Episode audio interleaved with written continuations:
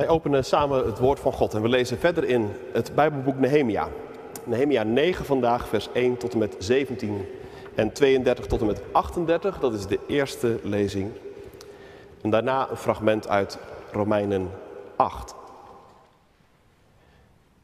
Nehemia, ik heb het al een paar keer gezegd, is wederopbouw literatuur zou je kunnen zeggen. En vanaf Nehemia 7 gaat het over geestelijke wederopbouw. Tempel staat weer een beetje, de stad verrijst weer wat. Maar dat is niet genoeg. Er moet ook van binnenuit een vernieuwing gebeuren. En daarover lezen we onder andere in dit hoofdstuk. Op de 24e dag van deze maand kwamen de Israëlieten weer bijeen. Ze vasten en waren gehuld in boetekleren, met stof op hun hoofd. De geboren Israëlieten gingen apart staan van de vreemdelingen en ze beleden schuld voor hun zonden en voor de wandaden van hun voorouders. Zo stonden ze daar en gedurende een vierde deel van de dag werd er voorgelezen uit het boek van de wet van de Heere, hun God. En nog eens een vierde deel van de dag beleden ze schuld en bogen ze zich neer voor de Heere hun God. Op de verhoging van de Levieten stonden Jesua, Bani, Kadmiel, Sebanja, Bunni, Serepja, Bani en Kenani. En met luide stem riepen zij de Heere hun God aan. De Levieten, Jesua, Kadmiel, Bani, Gassapnea, Serepja, Hodia, Sebanja en Petachja zeiden... Sta op, prijs de Heere uw God voor eeuwig en altijd. Mogen uw luisterrijke naam, die verheven is boven alle roem en lof, geprezen zijn. U alleen bent de Heer.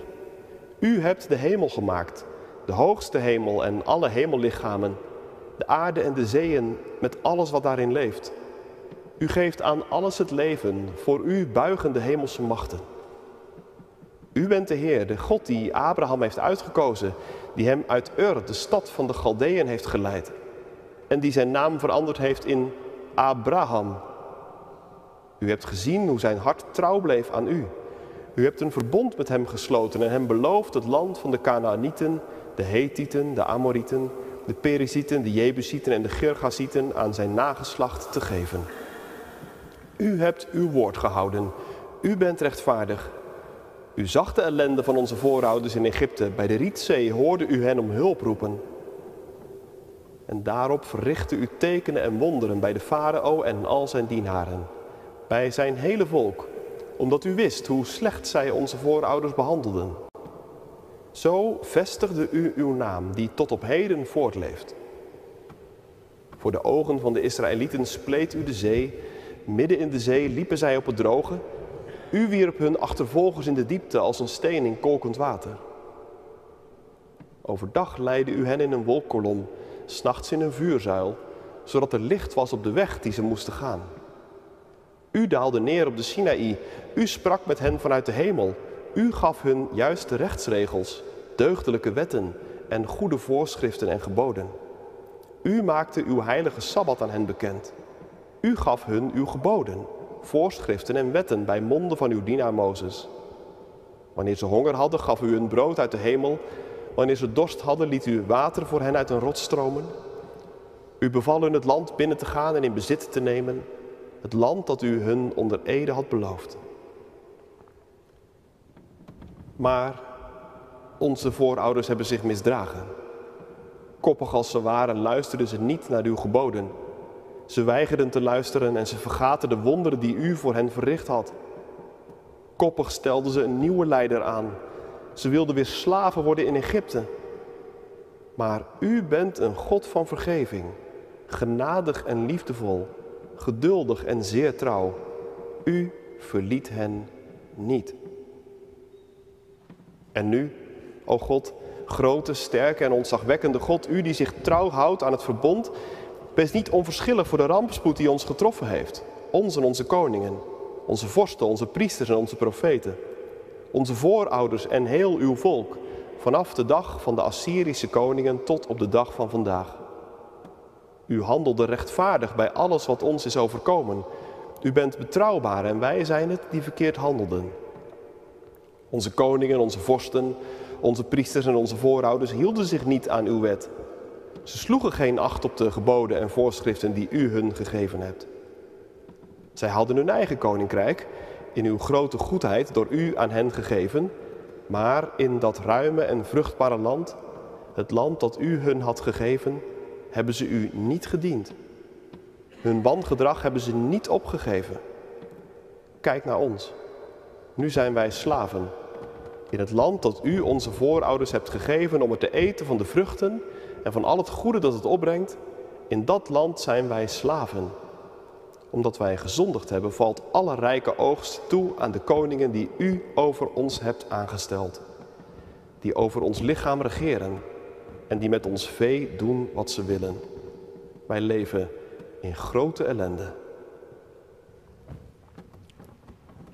Tot zover de eerste lezing. De tekst voor de preek zeg ik nu vast. Dat is vers 17 straks uit dit Bijbelgedeelte. Zij weigerden te luisteren en ze vergaten de wonderen die u voor hen verricht had. Koppig stelden ze een nieuwe leider aan. Ze wilden weer slaven worden in Egypte. Maar u bent een God van vergeving, genadig en liefdevol, geduldig en zeer trouw. U verliet hen niet. En als een uitleg bij die laatste zin lezen we het gedeelte dat Paulus schrijft in Romeinen 8. Wat moeten wij hier verder over zeggen? Als God voor ons is, wie kan dan tegen ons zijn? Zal Hij, die zijn eigen zoon niet heeft gespaard, maar Hem omwille van ons allen heeft prijsgegeven, ons met Hem niet alles schenken? Wie zal Gods uitverkorenen aanklagen? God zelf spreekt hen vrij. Wie zal hen veroordelen? Christus Jezus, die gestorven is. Meer nog, die is opgewekt en aan de rechterhand van God zit. Die pleit voor ons.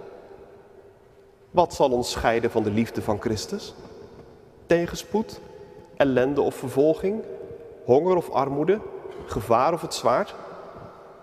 Er staat geschreven, om u worden wij dag na dag gedood en afgevoerd als schapen voor de slacht. Maar wij zegevieren in dit alles glansrijk, dankzij Hem die ons heeft liefgehad. Ik ben ervan overtuigd dat dood nog leven, engelen nog machten, nog krachten, heden nog toekomst, hoogte nog diepte, of wat er ook maar in de schepping is, ons zal kunnen scheiden van de liefde van God, die Hij ons gegeven heeft in Christus Jezus, onze Heer. Tot zover de lezingen. Dit zijn vanmorgen de woorden van God voor u, voor jou, voor mij. Gelukkig zijn we als we die woorden horen, ze bewaren in ons hart en daaruit leven. Halleluja. Amen. Gemeente van Christus, hier in de kerk of thuis. Geestelijke vernieuwing. Dat is het grote thema in deze hoofdstukken van Nehemia. Met man en macht is jarenlang gewerkt aan het herstel van de stad en de tempel. Maar vooral Esra, de schriftgeleerde, beseft dat dat alleen niet genoeg is. Een prachtige herbouwde stad met een keurig heropgebouwde tempel, zonder herstel van binnenuit, dat zou toch armoe blijven. En daarom is Esra in het vorige hoofdstuk begonnen met het voorlezen van het wetboek. Daarmee wordt, jongens en meiden, bedoeld de Torah. Dat zijn de eerste vijf boeken van Mozes: Genesis, Exodus, Leviticus, Numeri, Deuteronomium. Dus bij wetboek moet je niet in de eerste plaats alleen maar denken aan wetten en regels. Die zitten er ook in, maar het is veel meer. De Torah vertelt het verhaal van de weg die God met Israël gaat. Het zijn de boeken van het verbond. Esra is dus bezig met waar sommige politieke partijen vandaag de dag ook heel druk mee zijn. Herbronnen.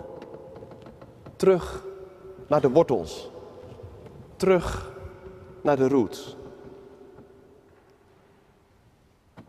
En dat heeft effect.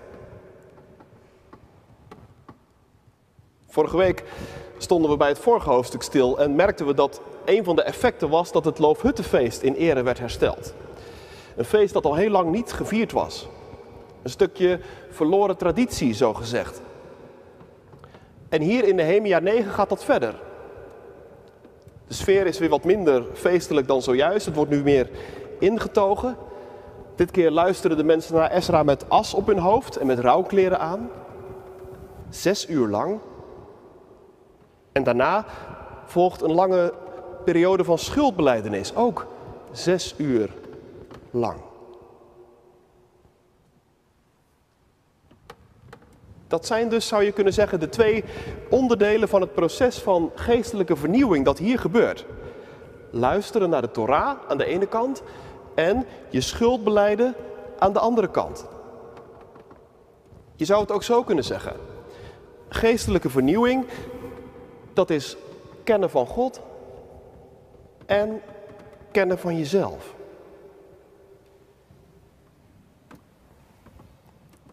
En als het over die twee dingen gaat, dan moet ik altijd denken aan die briljante openingszinnen van Calvijns institutie.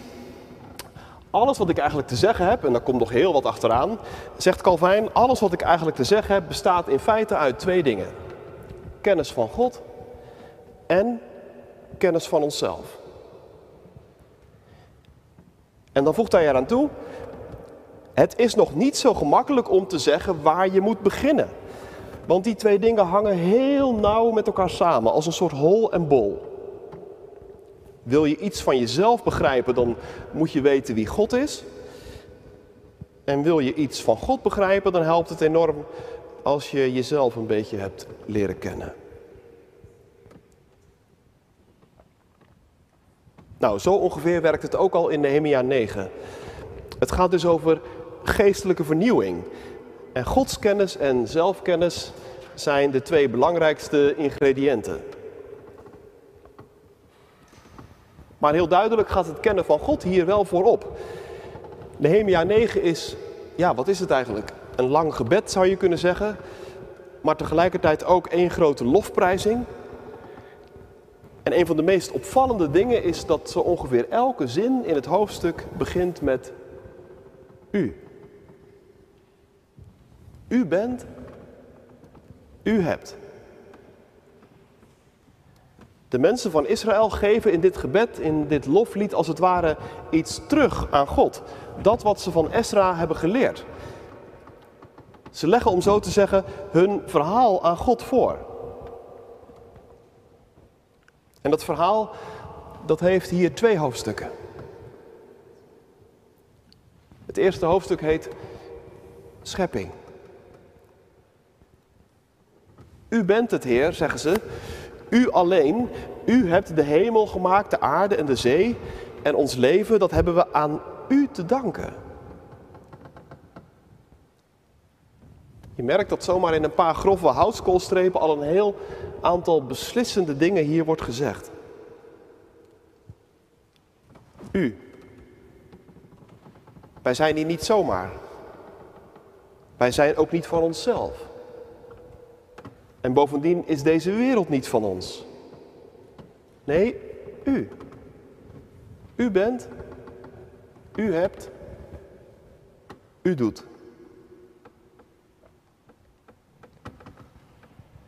En dan volgt hoofdstuk 2. En in dat hoofdstuk worden de beslissende momenten in de geschiedenis van Israël nagelopen. Het begint bij Abraham, Abraham door God uitgekozen en weggeroepen uit het land van waar hij geboren was. En zijn naamsverandering wordt er speciaal bijgezegd. Abraham wordt Abraham, vader van vele volken. Dat slaat op het verbond dat God met Abraham sluit. Hij zal gezegend worden. Maar niet alleen hij, in het volk dat uit hem zal voortkomen, wil God alle volken zegenen.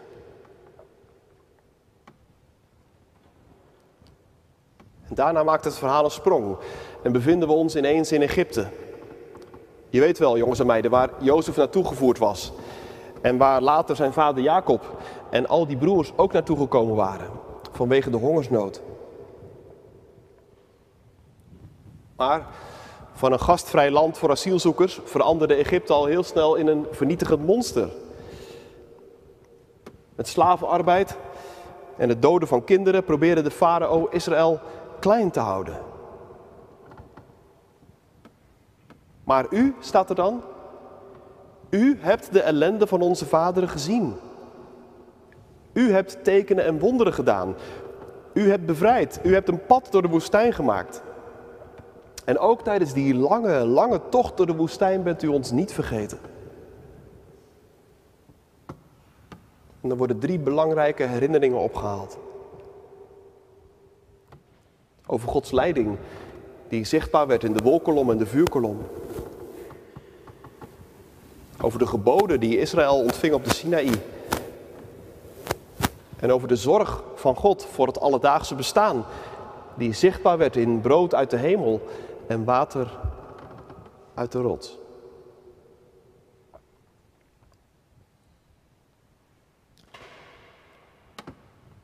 En dan breekt het loflied ineens af. En dan volgt een moment van zelfreflectie, zou je kunnen zeggen. Maar voor we daar naartoe gaan, eerst nog even iets anders. Want ja, dit is dus het verhaal van Israël, maar hoe zit het nou eigenlijk met ons verhaal? Zou jij, zouden wij ook op deze manier het verhaal van ons leven kunnen schrijven?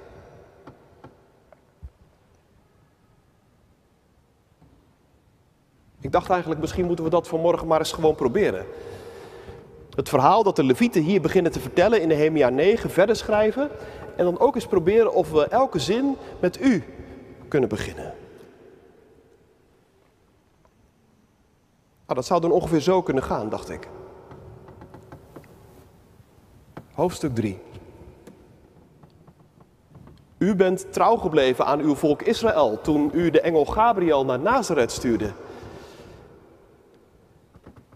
U hebt uw belofte aan uw volk waargemaakt door naar ons toe te komen in het kind van Bethlehem. U hebt ons in hem de geheimen van het koninkrijk van God geleerd. In de tekenen en wonderen die u deed. In de gelijkenissen die u sprak. U hebt ons laten zien wat dienen is toen u onze voeten waste.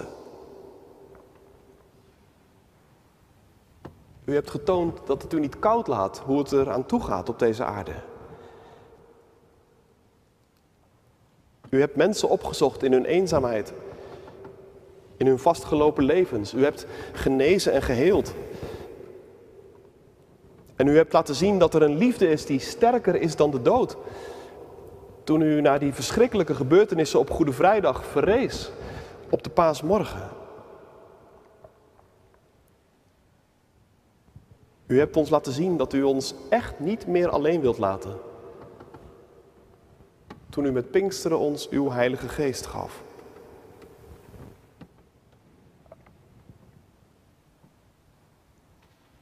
Nou ja, zo ongeveer. En daarna zouden we kunnen verder gaan met hoofdstuk 4. Het hoofdstuk over de kerkgeschiedenis, over Paulus en zijn brieven, over het ongelofelijke feit dat al die beloften voor Israël ook voor ons betekenis hebben. En dat Jezus ook de redder van de volken is. Over het feit dat God Willibrord en Bonifatius stuurde. Dat die het ons hier in Utrecht zijn komen vertellen. Over de ongelooflijke diepgang die het evangelie van Jezus heeft gegeven aan onze cultuur. En over het feit dat God tot op de dag van vandaag aan ons trouw gebleven is, tot op alles heen.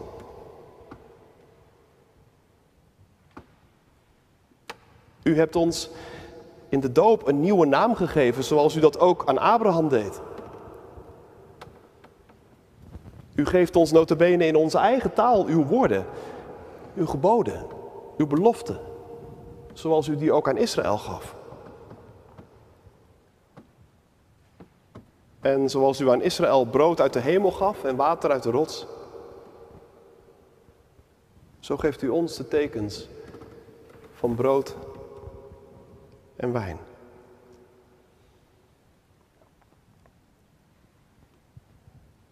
En in hoofdstuk 4 mag je ook gerust je eigen persoonlijke voetnoten toevoegen. over wat God in jouw eigen leven gedaan heeft.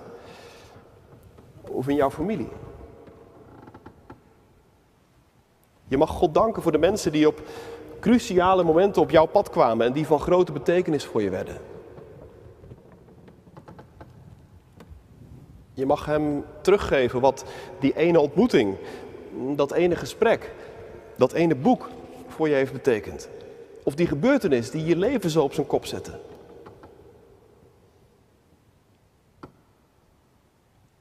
Je mag hem vertellen over die dorre tijd, waarvan je dacht, er komt geen eind aan. En juist toen kwam er een wending. Al die dingen, grote en kleine, krijgen een plek in hoofdstuk 4. Een hoofdstuk dat nog verder gaat. En verder zal gaan zolang wij leven en zolang deze wereld zal bestaan.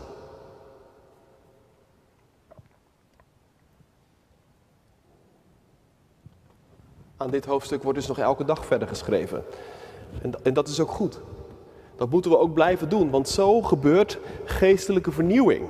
Dat gebeurt als wij onze levens voor het eerst en telkens weer opnieuw zo gaan begrijpen en zo gaan beleven dat ze helemaal onderdeel zijn van dat grote verhaal van God. Dat begon bij de schepping en verder ging met Israël. Dat uitliep op de komst van Jezus en dat ons hoop geeft voor de toekomst.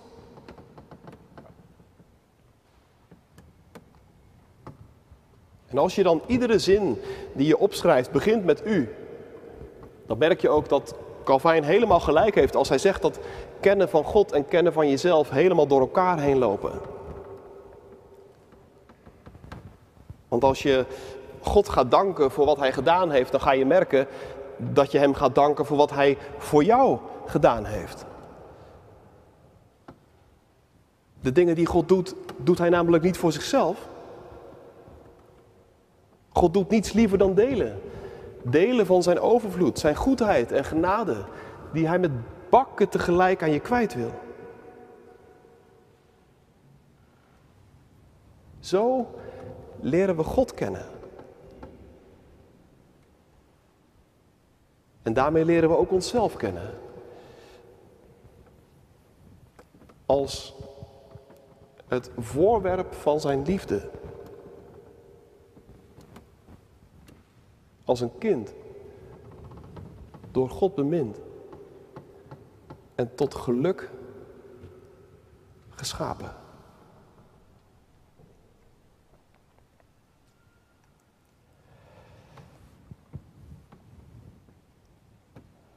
Maar aan dat kennen van onszelf zitten wel twee kanten. Dit is de ene kant, maar er zit ook een donkere kant aan. Als de levieten in Nehemia 9 overgaan van u naar zij en wij, dan merk je dat de toon in één keer omslaat van majeur naar mineur. Ineens vallen er hele harde woorden. Het gaat over koppig zijn en weigeren. Het gaat over misdragen, over opstand en vergeten. Ik dacht met dat laatste begint het. Vergeten. Als je vergeet wat God gedaan heeft, dan wordt Hij steeds meer een stip in je achteruitkijkspiegel en raakt Hij langzaam maar zeker uit beeld. En dan wil je terug. Terug naar Egypte. Daar wil je dan gewoon weer slaaf worden. Ongelooflijk dat je dat hier leest. En dat is dan nog niet eens wat je min of meer per ongeluk overkomt. Nee, dat is gewoon een hele actieve daad. Koppig stelden ze een nieuwe leider aan, staat er. Dat is een verwijzing naar nummer 14. Het moment dat Israël op het punt staat om het beloofde land binnen te trekken. De verkenners zijn erop uitgetrokken. Ze hebben verslag gedaan. Ze hebben gezegd: Het is geweldig daar. Het vloeit over van melk en honing. Moet je eens kijken. Zulke duiventrossen. Maar ja, er wonen wel hele sterke mensen. En daar gaan we het niet van winnen. En dan slaat die feeststemming ineens om. Waren we maar in Egypte gestorven, wordt er dan geklaagd. Want nu jagen Mozes en Aaron ons hier de dood in. Weet je wat? We kiezen een nieuwe leider die ons weer veilig kan terugbrengen naar waar we vandaan kwamen. Want slaaf zijn in Egypte, dat was misschien zo gek nog niet.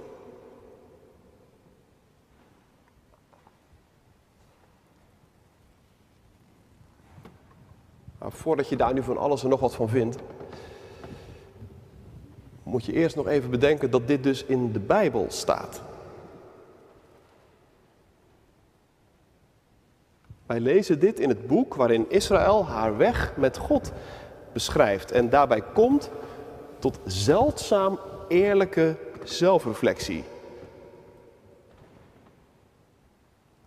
Het was ook heel makkelijk geweest om dit soort passages gewoon weg te laten. En om alleen van de glorieuze momenten verslag te doen. Maar een van de dingen die wij leren van Israël is zelfkennis. En daarom ben ik ook wel benieuwd wat er gebeurt als ook wij dit stukje van het verhaal eens verder zouden gaan schrijven.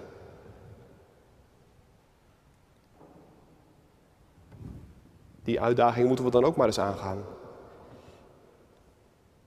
Ik dacht dat het misschien ongeveer zo zou kunnen gaan. Wij en onze voorouders hebben veelvuldig geweigerd naar u te luisteren. En een groot deel van onze kerkgeschiedenis is één grote parodie op de bergreden. We hebben heel vaak niet gedacht aan de wonderen die u bij ons verricht hebt. We koesteren graag onze eigen bedachte beelden van u. Ook als ze helemaal niet lijken op Jezus, uw zoon.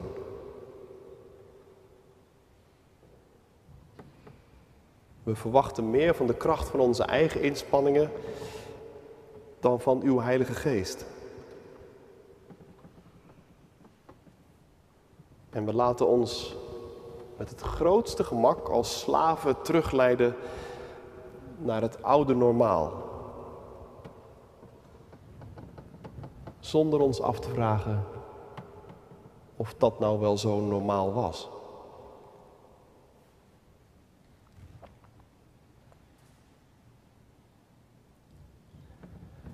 En ook aan dit fragment mag je gerust je eigen voetnoten toevoegen. Over je persoonlijke falen en mislukkingen. Over de kansen van God die je kreeg, maar niet lopen. Over je getop met die hardnekkige verslaving. Over dingen die je stuk maakten. En waarvan je niet meer weet of ze nog wel heel kunnen worden. Over je duistere gedachten en je ongeloof.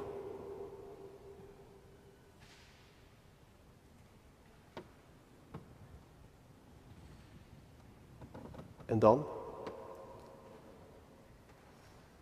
Wat komt er dan daarna? Wat moet je doen na zo'n zo zeldzaam moment van eerlijke zelfreflectie?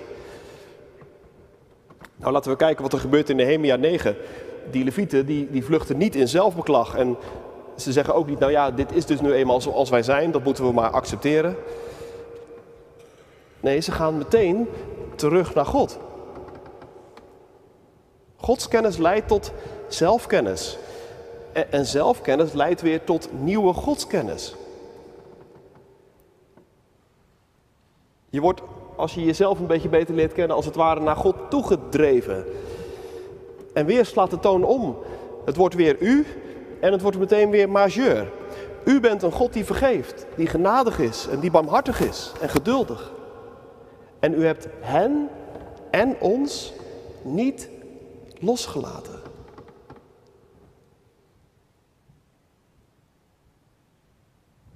Want dat is het grootste geheim natuurlijk. Dat God ons ondanks alles en ondanks onszelf niet loslaten.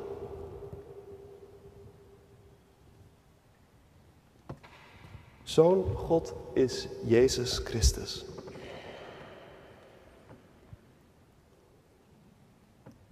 Hij is een God, zei Pascal, die je zonder hoogmoed tegemoet treedt. Hoe zou het anders kunnen? Maar voor wie je zonder wanhoop je hoofd buigt.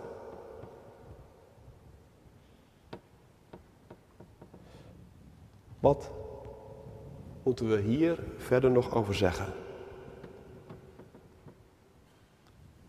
Als deze God voor ons is, wie kan het dan nog tegen ons zijn?